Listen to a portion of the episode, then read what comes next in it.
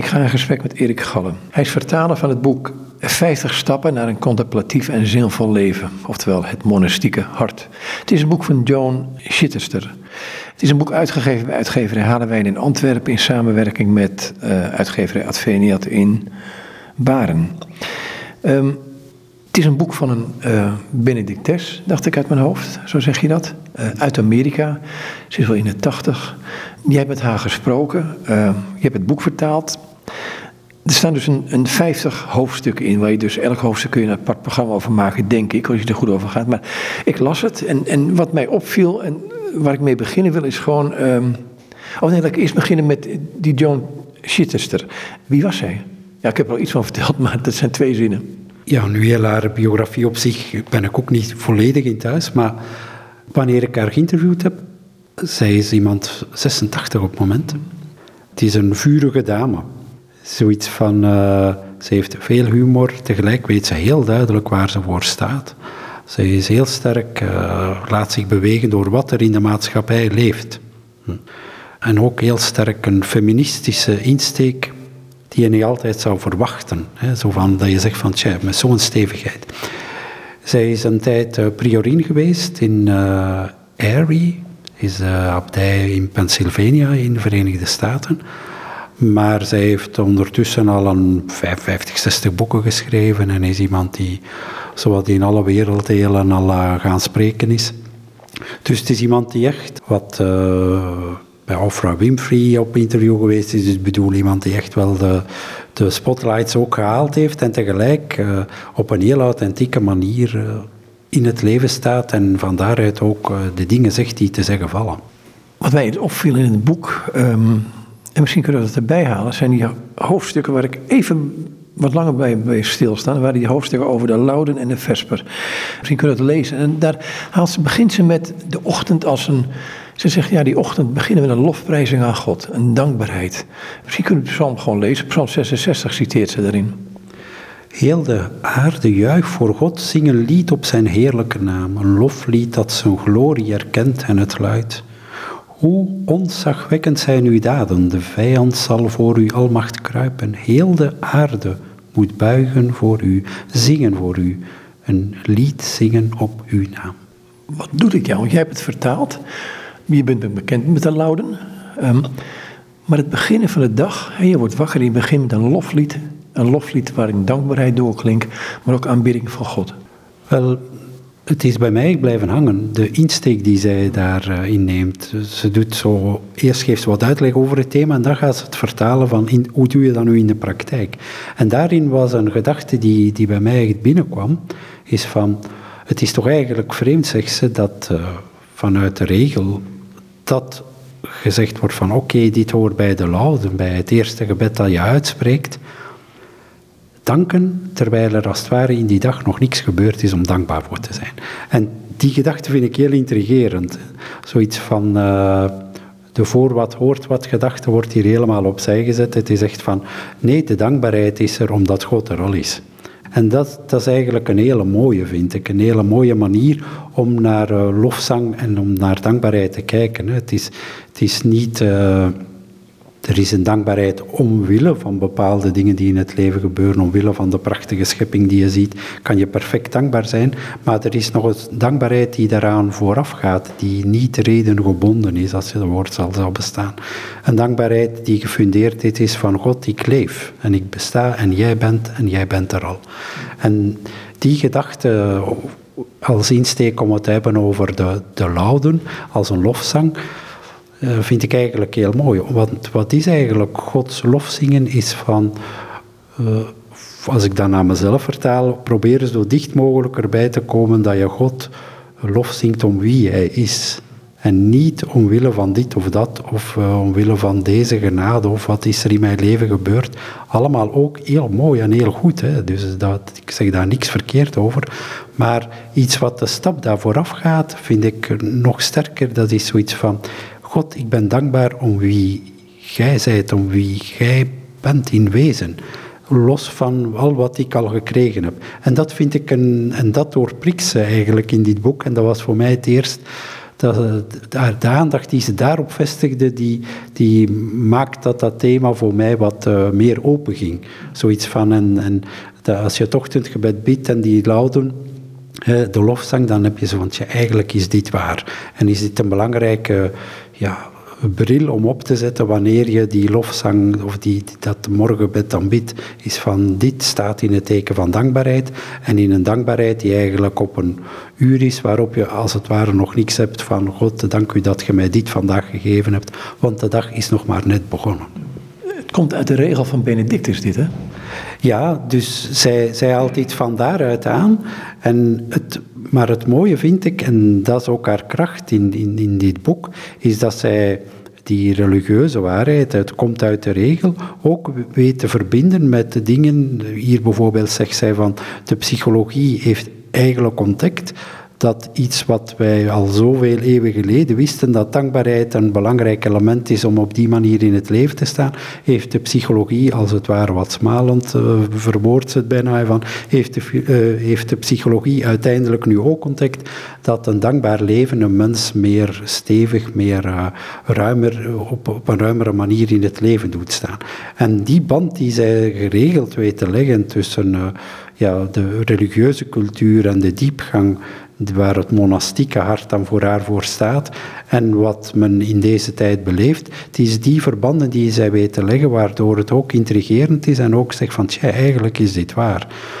De religie sluit aan bij een diep menselijke waarheid. Het is wanneer we als mens dankbaar in het leven staan, ja, dat betekent eigenlijk dat je altijd alles wat je meemaakt, dat daar een soort relatie aan vooraf gaat dat je zegt van dankbaarheid is altijd, je bent dankbaar naar iemand anders. Dus in die zin trekt zij dit open en dat vind ik ook wel mooi. De versvers, daar is diezelfde dankbaarheid komt daar. Uh, maar dan Psalm 9, misschien kun je dat ook lezen. Ja, dan Psalm 9, de eerste psalm door de regen van Benedictus, toegewezen aan de Vespers. Met heel mijn hart zing ik een danklied, Heer. Ik ga vertellen over al uw wonderdaden, blij zijn en u toejuichen, uw naam bezingen, Allerhoogste. Want al mijn vijanden deinzen terug, struikelen en vallen voor uw aanschijn. Dat is het eind van de dag en dan weet je heel goed wat er gebeurd is.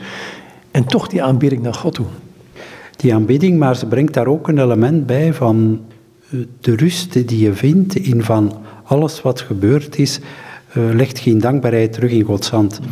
Terwijl ze in de ochtend de nadruk zal leggen op de dankbaarheid die er is voor je iets gekregen hebt, gaat hier de nadruk komen te liggen niet alleen in de dankbaarheid om wat er gebeurd is, maar de dankbaarheid die dan rust meebrengt omdat je het ook uit handen geeft. Het is als het ware het openen van de dag en het sluiten van de dag.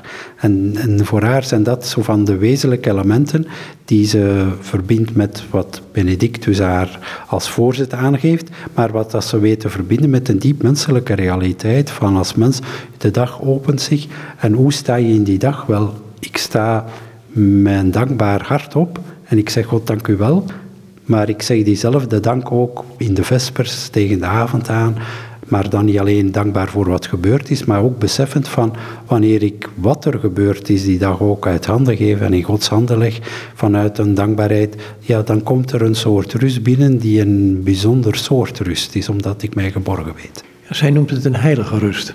Ja, zij zal daarom het woord heilige rust, omdat ze als het ware wil onderscheiden van ja, het is niet alleen van voilà, het is avond, ik ben moe, ik ga slapen en de dag heeft, is geweest wat die geweest is. Nee, de dag is getekend door dankbaarheid en vanuit die dankbaarheid ja, is de rust geen gewone rust, maar is het een heilige rust. Je gebruikt de woorden um, in Gods handen leggen, uh, teruggeven aan God. Is dat niet wezenlijk voor dit soort momenten? Niet alleen voor dit soort momenten, maar ook voor de dingen die in je leven gebeuren? Jawel, en dat je zou kunnen zeggen dat er een van de rode draden in het boek is. Uh, ja, 50 hoofdstukken, wat is nu een rode draad? Wel, een van de rode draden vind ik uh, Gods aanwezigheid. Dus als het ware van die op verschillende manieren en verschillende rituelen uh, gestalte geven eigenlijk uh, Gods aanwezigheid niet oproepen, maar Gods aanwezigheid beamen. En dat, dat is waar zij telkens zal naar terugkeren. Zo van, zowel in die louden als in die vespers van God was er al. Maar eigenlijk, eh, alle wat gebeurt in een dag, is van telkens teruggeven van, ja, God is hier. God is hier ook wanneer het moeilijk is. God is hier wanneer er dat gebeurt. God is hier wanneer ik naar de schepping kijk. God is hier wanneer ik naar de problematieken in de wereld kijk. God, God is overal al aanwezig. En dat is de rode draad die, als hij zal zeggen, een van de, de zaken waar de regel van Benedictus op steunt, is eigenlijk het bewust worden van Gods aanwezigheid. En uh, de rest kan je zeggen van dit zijn hulpmiddelen of stapstenen, uh, maar eigenlijk de, in de kern gaat het daarom van Gods aanwezigheid. Hoe kom ik daarmee in contact en hoe laat ik die toe en hoe word ik me daarvan bewust? Wat voor rol speelt Jezus Christus daarin? Want die rol mis ik enigszins in het boek. Ik versta ook wat je zegt en uh, ik, uh, ik, ik zou zelf ook zeggen van dit klopt. Ik mis de rode draad van, van Christus in het, uh, in het boek. Ik weet niet op welke manier of waarom dit eigenlijk zo is, maar als je, als je het als, een soort uh, vraag of bedenking opmerkt, dan kan ik niet anders zeggen van dit klopt wel. He, ze gaat geen echte verwijzingen daarna doen. Ze gaat uh, natuurlijk wel naar het evangelie op zich verwijzen, maar niet uh, heel expliciet naar de figuur van Jezus Christus. Dit, ik kan het alleen maar beamen, ik heb er ook geen antwoord voor waarom ze dit het lijkt of ze, of misschien, dat kan ik ook niet weten natuurlijk, maar of in haar leven de figuur van Jezus Christus niet die centrale plaats, of alvast in haar schrijven niet, in haar, of is het algemener. Uh, zij zal het bijna altijd hebben over Gods aanwezigheid, maar op dat moment niet overschakelen of niet zeggen van dit ervaar ik vooral in Christus of door Christus of door Christus zijn leven. Of, uh, nee, dat zal ze niet doen. Ik kan het alleen maar beamen. Ja, ik heb ooit een, een Belg, een Vlaamse, tegen mij horen zeggen van... hij is toch het gezicht van God. In hem herkennen we iets van wie God is. Ja, hij is, hij is het beeld van de onzichtbare God, zoals we zeggen. En, en in die zin uh, kan je zeggen, impliciet refereert zij ernaar... maar ze, de, het expliciete refereren zal ze inderdaad niet doen, dat klopt. Ze zegt... Um, in dit, dit boek, uh, ja, we kunnen een aantal dingen eruit pakken, maar als ik even voortga uit die lofprijzing, um, Gods aanwezigheid, um, dan gaat ze op een gegeven moment ook naar de contemplatie toe. Dat is een term die ik vanuit de Carmelitaanse traditie redelijk goed ken. Wat is dat, contemplatie? Hoe ziet zij dat? Ja, contemplatie, zegt ze, is eigenlijk God, is eigenlijk de werkelijkheid leren zien zoals God die ziet. En, en, dat is natuurlijk een bijzondere manier van, van kijken. Hè. Dus, dus in de zin van, uh, ik, ik, gebruik wel eens het onderscheid tussen uh, kijken als afstandelijkheid, uh, zien als al een, meer betrokken manier van ten opzichte van de wereld of van mensen. Contemplatie zal zij zeggen van, wel, je geeft eigenlijk je ogen uit handen en je geeft ze aan God om op die manier naar mens en wereld te kijken. Dit klinkt vreemd, maar eigenlijk is dit wel een, een uh, mooie betrachting, kan je zeggen. Een mooie manier, een mooie insteek om te bidden ook. Hè. Zoiets van, uh, hoe kijk je met Gods ogen uh, naar mensen? Hè? Hoe kijk je met Gods ogen naar de schepping? En dan, en daarin is zij natuurlijk wel heel sterk... En, en dat, dat vind ik een andere rode draad in het boek, is de betrokkenheid op de wereld en op de problematieken van de wereld en op het lijden van concrete mensen en op het lijden van de schepping. Dus, dus in die zin, dit, dit uh, contemplatief kijken is geen soft kijken in de zin van, voilà, het is een, uh, een onderonsje met God. Nee, deze manier van kijken uh, houdt voor haar voortdurend een appel in om echt rondom u te kijken zoals God naar de wereld kijkt, die als het ware, ja, ik heb het lijden van de mens gezien. van mijn, ik heb het, uh, het lijden gehoord van mijn volk. En op die manier leren kijken maakt dat, en dat is het, het, het, echt een heel sterke lijn van het boek, van monastieke hart voor haar is niet van een, een zelfbetrokken hart dat zich opsluit in een uh, innerlijke dialoog tussen God en mens, maar is eigenlijk een innerlijke dialoog tussen God en mens die appelleert tot een grote inzet voor de wereld. En, en dit is. Uh, als, als, je veel uh, zaken leest uit de monastieke wereld, is dit facet vaak onderbelicht. En hierin is zij dan wel heel sterk, vind ik, in, in dit uh, oproepen tot engagement, tot concrete inzet. Uh, tot de erkenning van de vrouw, ook binnenkerkelijk. Dus, dus zij is daar heel concreet in en heel, ja, zo van anders werkt het niet. Zij zegt op een gegeven moment in het boek, dat die contemplatie, dat gaat ook het zoeken naar betekenis voor beide woorden. Dus natuurlijk, als je in relatie met God staat, is dat lastig, want we hebben maar woorden. Uh, ja, in jouw geval ook schilderijen. Je kunt ook in kunst kun je het laten zien of in muziek. Maar het is altijd een vertaling van iets wat bijna niet te pakken is. Ja, en, uh, zij zal daar inderdaad enkele keren naar verwijzen in de zin van, van, van de grens van de taal. Hè. Uh, daarom is niet toevallig dat ze geregeld ook uh, rituelen naar voren zal brengen. Hè. Zij, zij zal het hebben over het in processie gaan, wat af en toe gebeurt in de abdij, of het ontsteken van kaarsen, of eigenlijk bijna het hanteren van symboliek als een wegwijzer naar wat voorbij de woorden gaat. Hè. Dingen die op zich, bijvoorbeeld als in de processie gaan, de ene zuster gaat buigen ten opzichte van de andere zuster. Je kan zeggen, ja, wat is dit? Wel, dit is buigen voor het mysterie van de ander en in dankbaarheid naar de ander buigen. En dit ligt wat voorbij de woorden. Hè. Dus het gebaar doet iets wat woorden niet gezegd krijgen. Hè. Uh, ja, en daar, zij stoot inderdaad ook uh, van ja, tot waar kan men gaan om God te benoemen en te omschrijven en, ook, en eigenlijk tegelijk weten dat welke omschrijving we ook hanteren, God voorbij die taal ligt. Het gaat voorbij die taal, tegelijkertijd is het binnen een ritueel, binnen een afspraak die je maakt, binnen, ja noemen we het officie, dacht ik. Um, dus er zijn daadwerkelijk tijden die je in de dag kunt implanteren, om het zo te zeggen om het woordeloze gestalte te krijgen. Ja, ik zeg het heel raar nu, maar het is, het is moeilijk om onder woorden te brengen dit. Ja, en, en zij zal enorm pleiten voor... Uh, want ze, ze, zal het hebben, ja, wij, wij, wij leven in een cultuur waar uh, het aanhouden van een strakke uh, schema, een dagschema, dat, dat is uit een boze. We, we, we, leven met een heel versnipperde manier van aandacht. Onze aandacht wordt dan naar hier getrokken, naar daar. En we willen eigenlijk echt niet hebben dat alles op voorhand zou vaststaan, dat we van dat uur tot dat uur dag gaan doen en dit elke dag opnieuw. Nu, zij pleit voor de, het heilzame van een dagschema uh, wat, wat uh, Benedictijns is, hè, zo van, van ja, ora et labora, en, en dus de indeling van de dag in vaste schema's. En zij toont daar ook het, bevrijdende van aan, is van op een bepaald moment uh, gaat de klok en je laat je werk als het ware vallen met waar je bezig bent. En je gaat over tot een andere modus. Hè. En wat is die modus? Dat is van ik ga die wel bepaalde psalmen uitspreken. Nee, maar die modus gaat, en daarin uh, volg ik ook in wat u zegt, die modus gaat over van ik ga eigenlijk verder dan die woorden. Hè, want ik, ik ga eigenlijk mijn aandachtscurve uh, op God richten. En in die zin is zij ook, en dat vind ik een, ja, je kan zeggen bijna humoristisch iets, wanneer zij aanhaalt van, uh, ja, de, er is, zeg maar iets, een gebedstijd om, om, om zeven uur s morgens. En dan werd mij gezegd wanneer ik eh, juist uh, intrad van ja, dan moet je daar vijf minuten op voorhand zijn. En dan zei ze, ja, uh, is stuurwerk niet juist dan of zoiets? Of wat klopt er dan niet? Waarom moet ik daar in vijf minuten op voorhand zijn? Als het om zeven uur begint en ik ben er om zeven uur, is toch oké?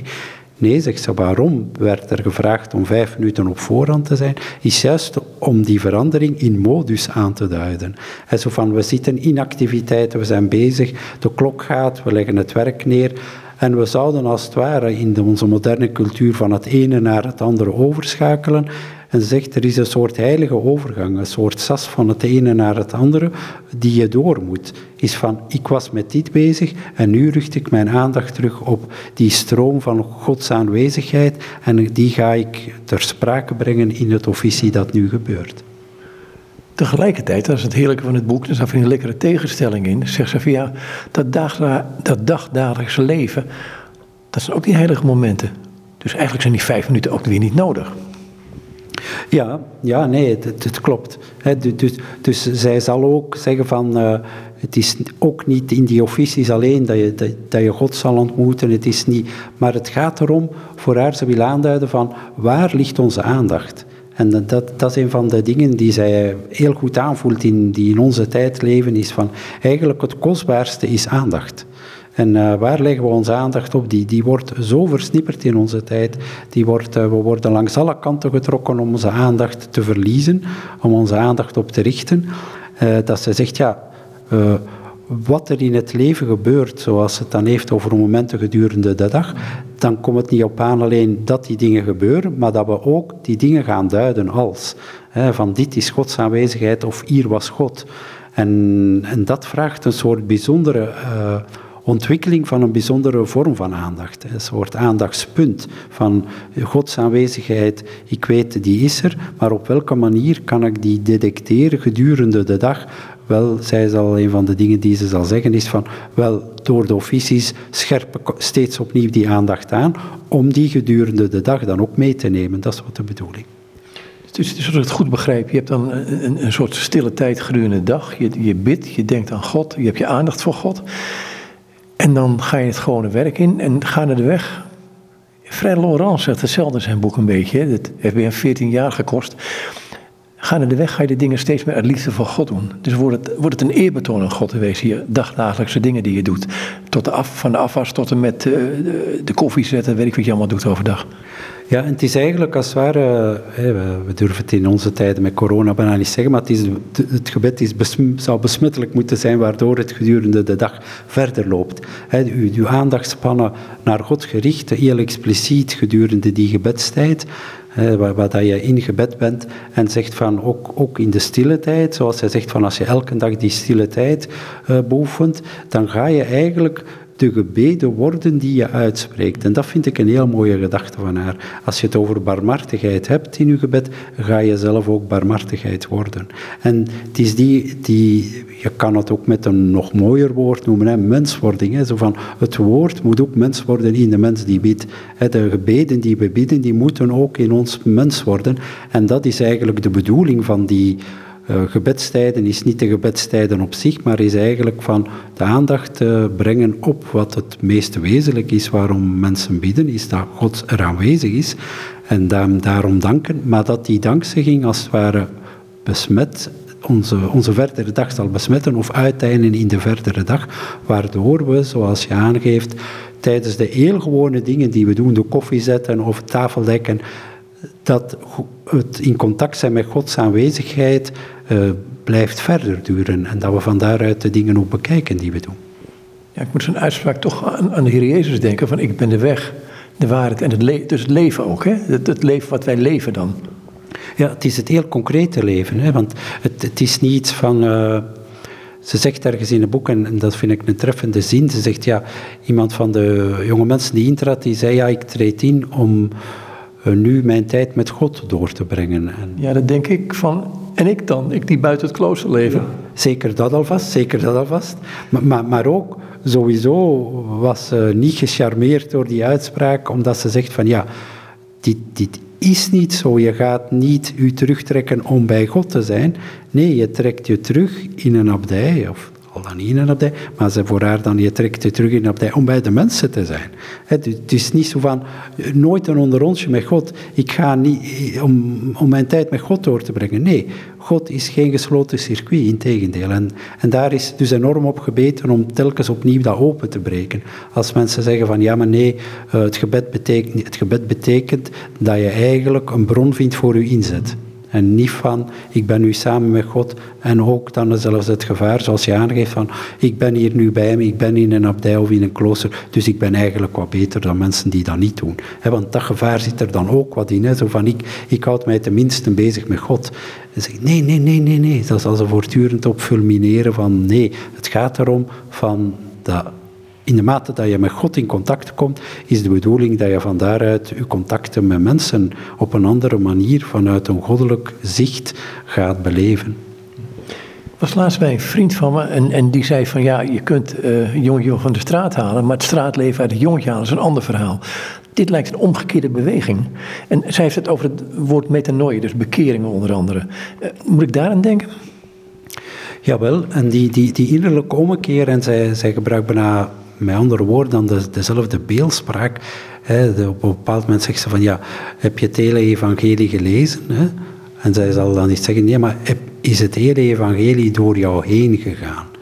Dus, dus een, ja, ik heb ook deze uitspraak wel eens gehoord van de mens is, eigenlijk is de mens de mooiste vertaling van het evangelie. Of kan de mooiste vertaling van het evangelie zijn?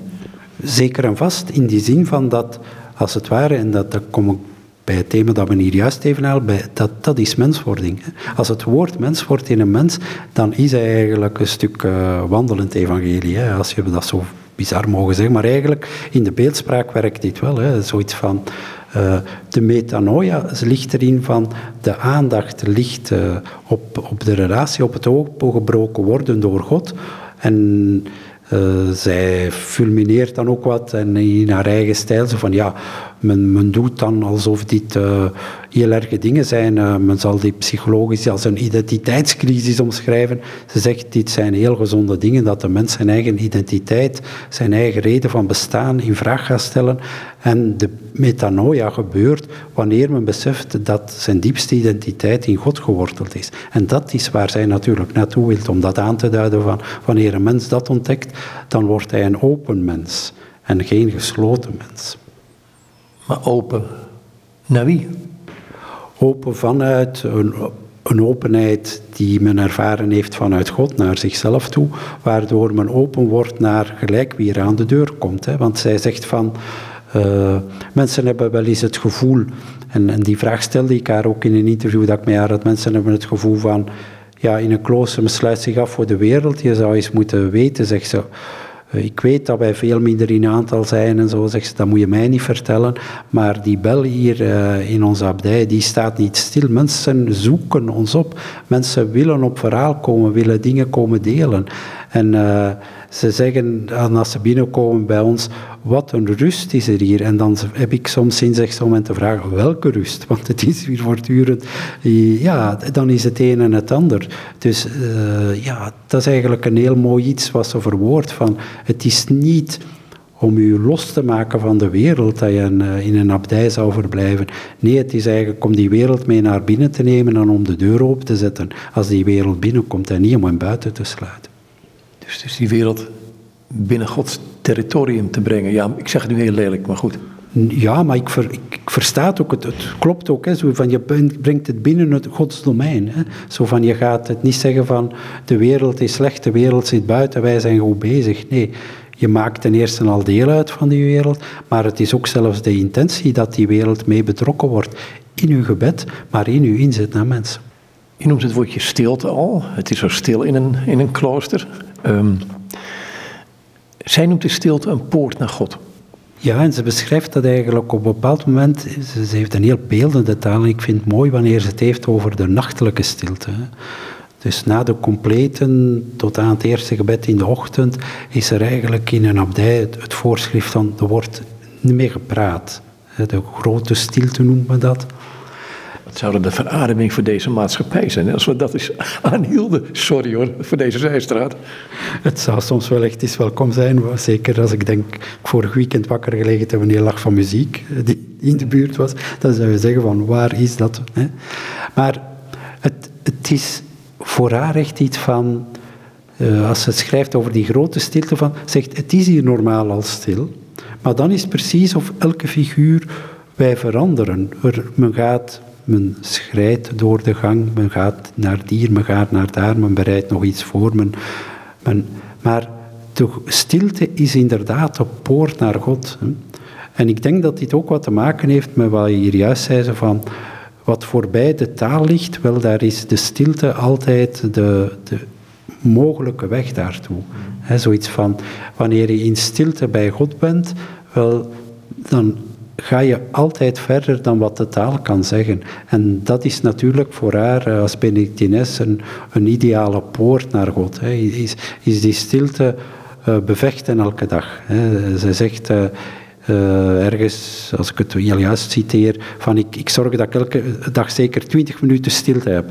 Hm? Zoiets van, dit beveilig ik. He, zoiets van, die poort laat ik openstaan en dan komt eigenlijk wat voorbij de taal ligt aan het woord, wat hier uh, bizar klinkt, maar krijgt dat ruimte. Dan moet ik aan luisteren denken, daar besteedt ze ook het nodige aandacht aan. Nou, behoorlijk wat.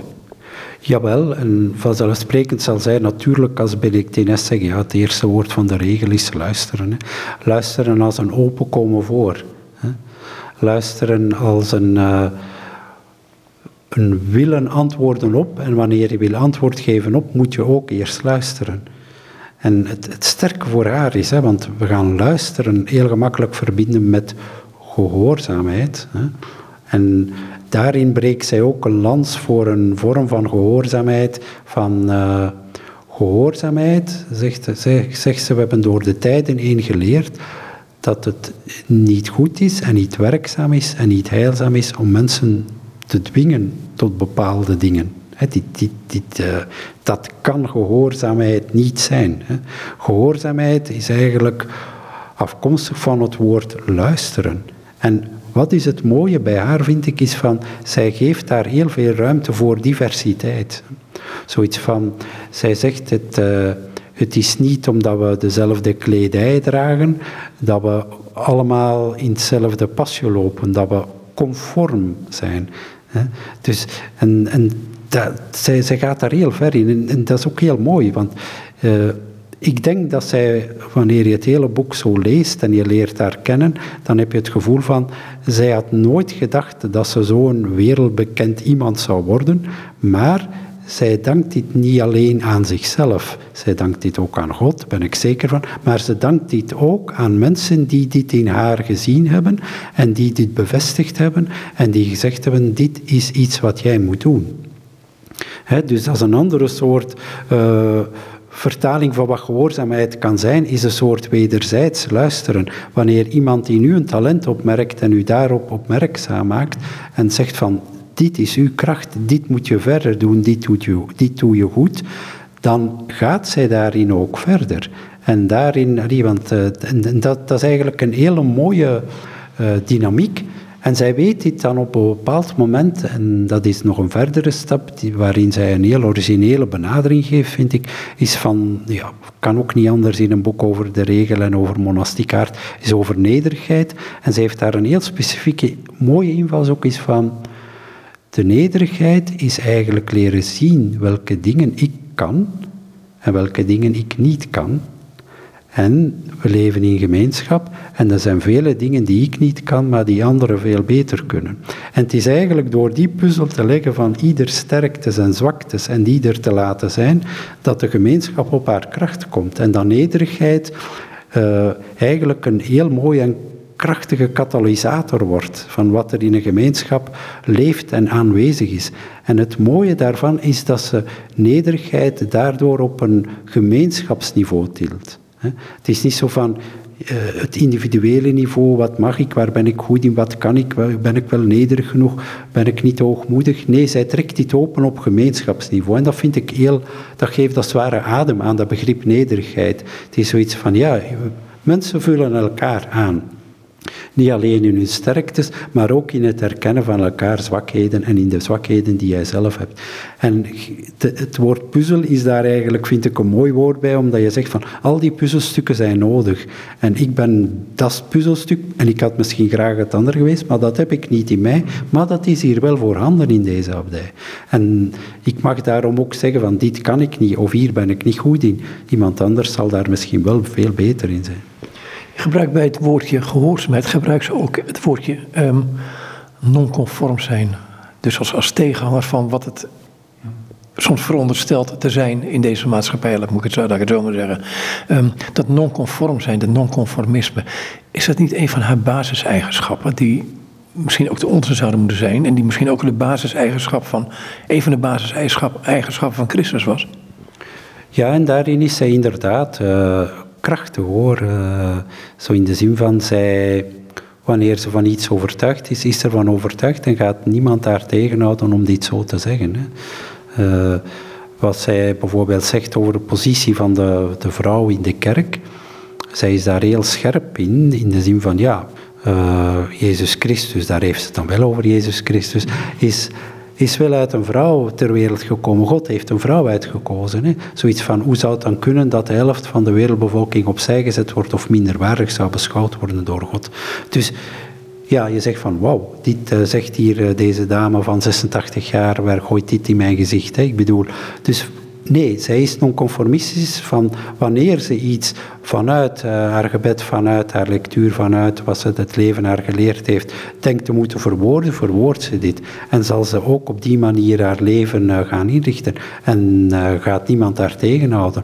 En dat soort profetische uh, maakt daar aantrekkelijk. En vooral ook omdat je aanvoelt dat dit authentiek is. Dit is geen sensatie zoeken. Dit is niet van ik wil hier opvallen. Nee, dit komt uit haar beleving. En uh, het klopt ook wel wat je zegt van misschien is dat profetische dat wij in onze tijd wat missen. En dat uh, voortkomt uit een niet bang zijn om uit, uit de band te springen. Of niet bang zijn om niet te zeggen wat iedereen zegt, maar om gewoon te zeggen, daar ben ik van overtuigd. Ja, we noemen het tegenwoordig polariseren. Oei, oei, oei. Terwijl ik denk van jongens, polariseer me, maar durf die mening met elkaar te delen. Of dat, dat anders denken met elkaar te delen. Dat aspect. Hè? Gewoon dat respect voor elkaar hebben. Zeker en vast, want het, is daar geen moment uh, is, is erop uit om te polariseren, echt niet. Ja, maar zelfs dat vind ik, denk ik, ik vind het een term die, die gaat nergens over. Want je zegt in wezen, als je zegt, ja, ik ben bang voor polariseren, zeg je, ik ben bang om de ander te respecteren zoals hij is, of dat te zeggen wat ik op mijn hart heb. Ik noem het maar even, eh, zonder onbeschoft te zijn, dan gaat het dan. Ik ben het ermee eens in de zin van polarisatie is een term, je zou kunnen vervangen door wij hebben een meningsverschil. Wij hebben een andere mening, een andere visie. En dit hoeft niet bedreigend te zijn. Hè. Dus, en, het, is van daaruit ook. Uh, we kunnen juist getroffen worden. Waarom word ik zo getroffen door haar heel sterke uitspraken? Niet omdat ze op sensatie berust zijn. Uh, nee, gewoon omdat ze heel authentiek zijn. En uh, zelfs al zou ik kunnen denken, ik zou dit niet zeggen, of ik zou misschien zover niet gaan in bepaalde aspecten wat zij zegt, toch trekt dit aan omdat je voelt van deze vrouw heeft daarover nagedacht, ze heeft daarover gepraat, het leven heeft haar dit geleerd en zij zegt heel scherpe dingen. En eigenlijk is dat waar. Het is goed om er op die manier ook eens naar te kijken. En dat is wat meningsverschillen eigenlijk bedoeld zijn om met ons te doen. Hè. Dat is niet om ons uh, te zeggen van je bent verkeerd, maar van confronteer u eens met een verschil en kijk wat uw mening daardoor uh, verandert. En, uh, ze heeft het ook over. Um, ik, ik, ga een ander hoofdstuk in het boek, dat is de Lectio Divina. Um, mag je uitleggen wat het is? Zij noemt dat een, eh, een deur naar contemplatie. Nou, daar hebben we het over gehad. Um, en daar heeft ze twee prachtige voorbeelden van hoe het is om tussen de regels door te leven. En eigenlijk, geeft ze een citaat wat ik al eerder gaf over dat de straat uit een jongetje, of nee, een jongetje van de straat, maar niet de straat uit het jongetje, maar ook die jongen over die vlooien die naar nou ja, je weet wat ik bedoel. Ja, dus zij wil eigenlijk de mensen bijbrengen van wij, wij zijn uh, in onze tijd zeker binge-readers geworden. Ik bedoel, wij, wij, wij verwerken zoveel informatie tegen zo'n hoge snelheid. Vraag ons om een tekst te lezen en we lezen hem diagonaal. Dus we, we, gaan niet de woorden tot ons laten spreken. En voor haar is de, de, de eerste zinvolheid van Lectio Divina is van lees wat er staat. En uh, dus het is als het ware zo van, uh, we zouden kunnen zeggen, we zetten een groot bord een snelheidsbeperking bij het lezen. Zo van, hier mag je niet, niet sneller dan tien woorden per zoveel tijd. Hè. Dus, dus en, en dat is waar, waar zij eerst en vooral voor pleit, is van, matig uw snelheid bij het lezen, lees wat er staat.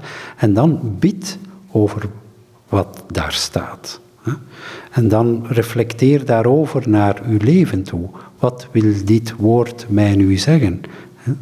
En kijk dan op het laatste van wat, wat, wat betekent dit nu concreet voor mijn leven? Hm? Dus maar het is juist door die snelheid uh, te minderen en het woord te laten spreken, dus dat je het accent gaat verleggen. Zo van echt luisteren bij Lectio Divina, God laten spreken tot u, wil zeggen dat je moet in een luisterpositie en niet in een absorberende positie van ik ga deze tekst zo snel mogelijk lezen om die te begrijpen wat erin staat en dan lees ik verder. Nee, het gaat om wat wil God mij door dit woord zeggen. En deze uh, vertraging, dit, dit, dit, aannemen van een ander ritme, is eigenlijk het, het inschakelen niet van welke informatie zit er in die, deze tekst, Maar welke relationele boodschap zit er in deze tekst? Wat wil God mij door deze woorden heen zeggen? En dat is ook heel mooi. Hè? Zo van als zet tien mensen naast elkaar en geven dezelfde tekst als het ware bijbeltekst om als Lectio Divina te lezen en je gaat tien verschillende antwoorden krijgen. En dat is juist het mooie en zegt ook iets van hoe God inspeelt op ons persoonlijke niveau van wat we in ons leven hebben meegemaakt, wie we zijn, welke uitdagingen er in ons leven zich aandienen. En van daaruit formuleren wij een antwoord wanneer we Gods woord door ons heen dat laten weerkaatsen. En het antwoord zal verschillend zijn. En uh, heeft er dan iemand het juiste antwoord? Nee. Zet die tien mensen naast elkaar, je krijgt tien antwoorden. Mensen gaan aan de slag met Gods woord wanneer ze het eerst opgegeten hebben, maar dan moeten ze langzaam kauwen.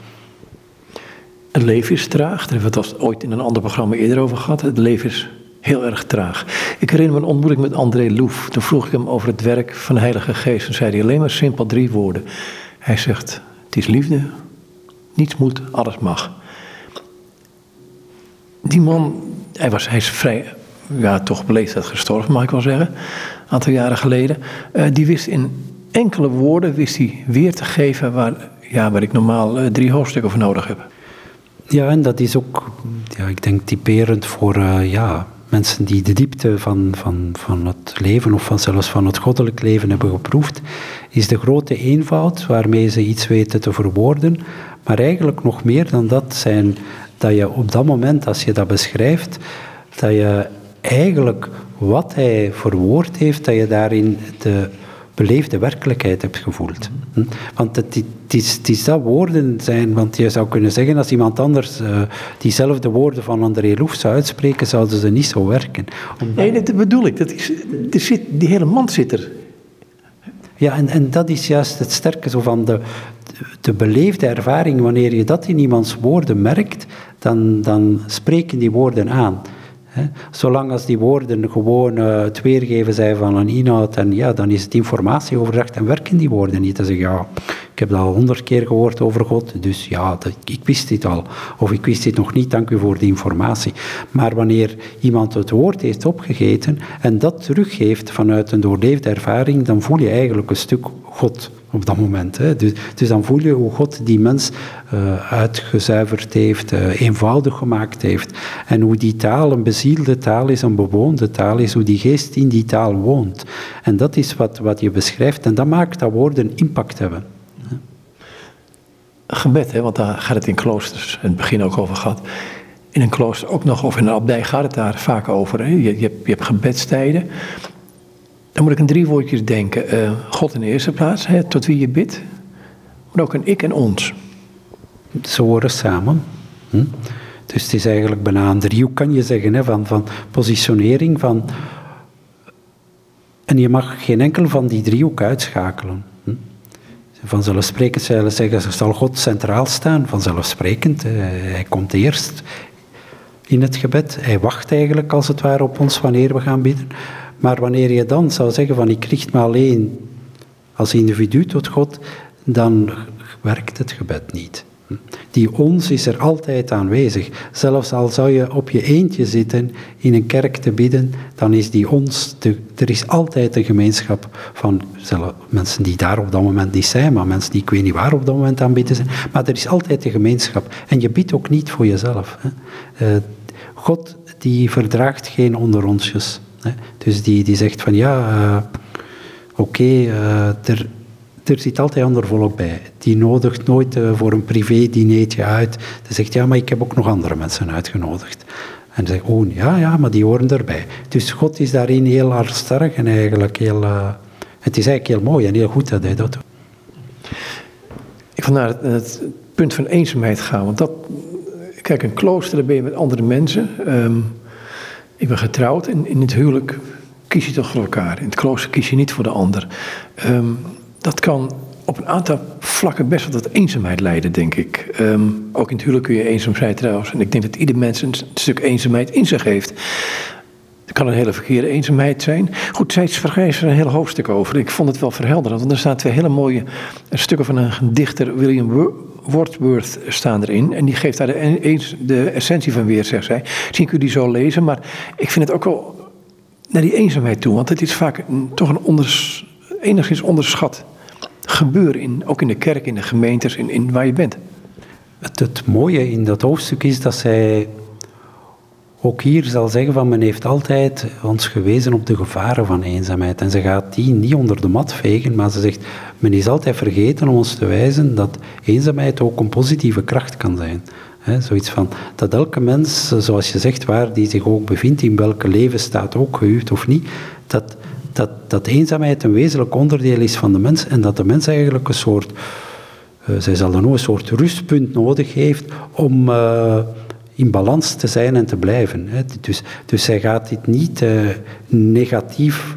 Zij beseft perfect dat uh, eenzaamheid een negatieve iets kan zijn, maar zij gaat dit niet negatief evalueren. Zij gaat dit eigenlijk opentrekken en zeggen van. Elke mens heeft een stuk eenzaamheid nodig en moet daar durven gaan instaan om, om zichzelf te worden. En zij heeft het, ik weet niet in dat hoofdstuk, maar zij, het sluit er alvast bij aan. Zij heeft het over positieve desintegratie. En dat, was, dat, zijn, dat zijn twee woorden die met mij blijven hangen zijn. Zo in de zin van, wat, wat bedoelt ze daar nu mee? Uh, zij bedoelt daarmee van, we kunnen door moeilijkheden, door problemen, door eenzaamheid gedesintegreerd worden, onze eenheid verliezen en we weten waar we naartoe moeten in ons leven. Wel, zij zegt dat is heel erg, maar zegt hij, er bestaat ook een positieve vorm van desintegratie. Dat is zo van wanneer je je ten diepste in God wortelt, gaat waar je leven op gebaseerd dat tot dan toe niet meer het laatste woord hebben. En dan noemt zij positieve desintegratie. En het doet mij denken aan hoe zij ook zegt van het kiezen voor een stuk eenzaamheid in uw leven ingebouwd, in, in, in een abdij, in een klooster. Wel, dit zou in de goede zin van het woord, moeten leiden tot positieve desintegratie van het alleen willen steunen op zichzelf.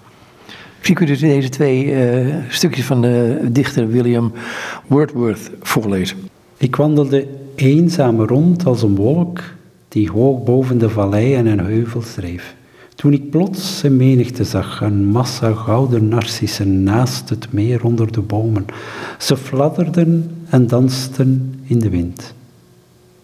En vaak, wanneer ik in mijn bed lig en mijn gemoed leeg is en pijnzend, wordt mijn innerlijk oog verlicht met de zegen van de eenzaamheid.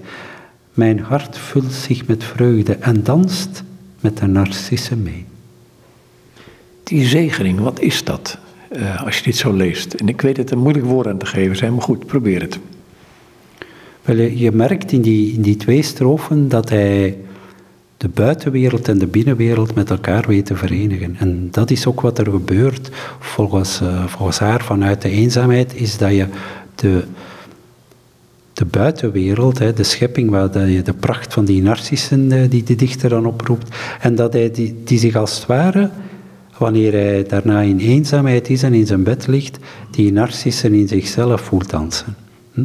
En het is juist de eenzaamheid en het alleen zijn, is dat de indrukken in hem uitgedrukt worden. En het is die weg van buiten naar binnen waar die eenzaamheid een belangrijke sleutel toe is. En, en daarom zegt ze van ja, eenzaamheid, je moet dat niet alleen negatief inkleuren, dit geeft ook de mogelijkheid om als het ware een soort residu van wat er gedurende de dag gebeurd is, eigenlijk te laten openbloeien in uw binnenwereld. En dat is eigenlijk een heel mooi gebeuren. Ik vind een mooie duiding ook die ze eraan geeft van uh, binnen-buiten, hoe die met elkaar te maken hebben en hoe eenzaamheid daar een wezenlijk onderdeel van is om de buitenwereld te kunnen verinnerlijken. Kom je nou weer bij die dankzegging uit, of die lofprijzing, die twee psalmen, die delen van psalmen die we in het begin gelezen hebben?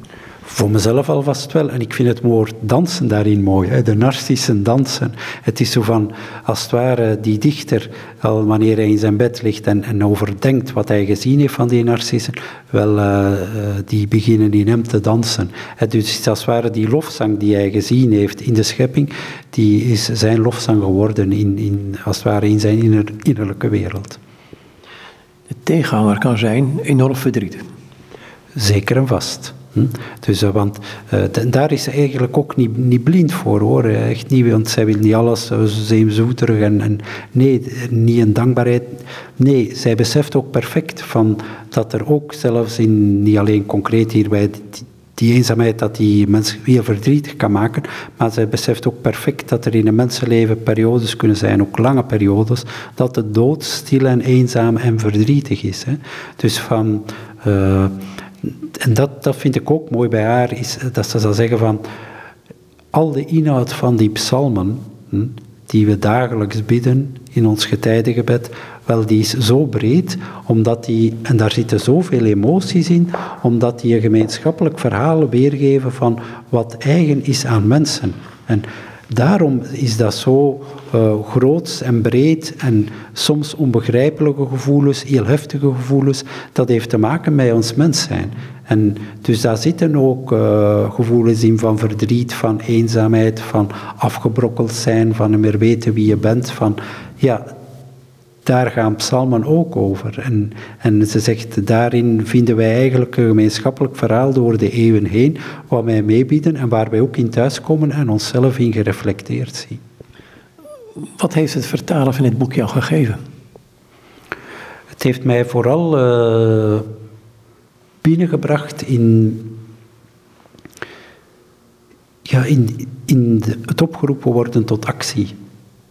Zo van, van het, het, durven uitspreken, het, durven, uh, en dat is onmiddellijk een te groot woord, hè, profetisch zijn. Hè, maar in, in de diepe zin van het woord, uh, dat betrokkenheid op God altijd betrokkenheid is op de mens. Dus rode draad is iets, is iets fundamenteel dat het monastieke hart niet is van ik neem nu tijd om met God te zijn.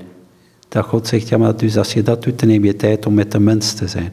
Dus haar rode draad om alle problemen, en daarin is ze, die beschrijft ze geregeld, ook, ook van armoede, van, van de vluchtelingen. Van, ik bedoel, zij is, zij concreet in.